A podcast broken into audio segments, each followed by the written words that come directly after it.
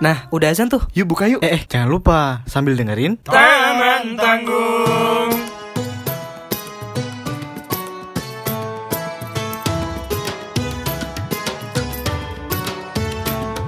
Assalamualaikum warahmatullahi wabarakatuh.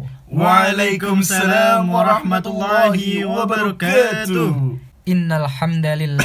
Eh, stop, stop, stop. Kenapa, Pak? Kenapa, Nggak Pak? usah dilanjutin. nyampe khotbah kayak gitu. Oh iya, ini bukan khotbah ya? Iya. Bukan bukan khotbah Jumat ini. Kan lagi pula kita lagi nggak bisa Jumatan ini situasi Ah, kayak gini. iya. Enggak ya, lagi kan kita nih lagi di lockdown di rumah. Mm-mm. Karena COVID-19 ini kan. Iya. Dan kita ini nge-record pas lagi bulan Ramadan. Iya. Dan kalau lu ngerasa banyak banget hal yang hilang dari bulan Ramadan. Mm-mm. Betul. Kayak gua aja nih, gua paling ngena di hilangnya sholat taraweh. Hmm. Ya kan, yang mana kita sebelum isya biasanya udah pakai sarung siap-siap, Iya, iya. udah wangi-wangi. Habis itu menunggu di lapangan tengah dengan teman-teman, Betul. masuk ke musola bareng-bareng, Iya. sholat taraweh. Habis sholat taraweh kita ngitung kotak amal, Iya. habis kotak amal kita baca tadarus di musola. Betul. Itu semua ludes hilang. Ludes ada. Akhirnya kita cuma di kamar doang, buka pintu paling jalan 6 langkah ke kamar mandi buat ambil wudhu. Iya, bener banget. Habis itu balik lagi ke ruang tengah untuk menjalankan sholat taraweh dengan keluarga kita. Kalau aku sendiri tuh yang paling ngerasa kehilangan dari tahun ke tahun eh, khususnya tahun ini tuh ya ketika ngabuburitnya sih. Hmm, Jadi ketika aku setelah sholat subuh biasanya itu aku tidur lagi. Kira-kira bangun itu baru ketika zuhur gitu kan. Waduh. Kira-kira jam itu namanya tidak beribadah. Iya. Untuk mengurangi dosa-dosa. Jadi aku Oh, iya, tidur paling baru bangun itu zuhur atau jam 1. Ah. Terus aku biasanya jalan-jalan tuh keliling kota. Oke. Iya biasanya aku ke rumah teman atau nyamperin siapa gitu buat menghabiskan waktu. Hmm. Dan khususnya untuk situasi kayak gini di tahun ini kan ada covid gini kan. Hmm. Jadi aku nggak bisa tuh buat Killing jalan-jalan. time before azan. Iya, iya betul. benar. Ngabuburit nggak bisa.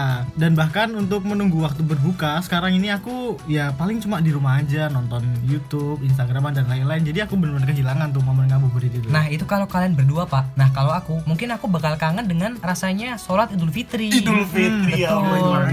Yang biasanya kita bisa sholat idul fitri bareng-bareng di masjid Ramai-ramai dengan tetangga Mm-mm. Sekarang kita cuma bisa sholat di rumah aja mungkin. Kita nggak bisa yang namanya halal bihalal dengan saudara Dengan tetangga. Iya. Paling mentok-mentok kita cuma bisa halal bihalal sama keluarga terdekat kita di rumah. Iya. Iya. Iya Nah, tapi walaupun ada semua perbedaan ini, sebenarnya sih nggak begitu mengurangi esensi dari ibadah Ramadan kita. Nah karena Ramadan itu kan bukan hanya situasi Bukan hanya suasana. Iya. Melainkan Ramadan itu dari hati kita. Mm-mm. Lagi pula kita di, di rumah itu bisa aja ibadah, kita bisa sholat taraweh sama keluarga, kita bisa buka puasa bareng keluarga, kita bisa ngaji bareng keluarga. Iya. Nah. Dan bahkan kita bisa menghabiskan waktu dengan belajar banyak hal yang sebelumnya nggak bisa kita lakukan karena kita kerja. Nah, contohnya nih kita bisa masak buat orang tua kita. Bener. Yang biasanya orang tua kita masakin buat kita, Uh-uh. sekarang kita bisa rubah keadaannya. Nah, hikmahnya adalah kita bisa berbakti kepada orang tua kita. Bener banget.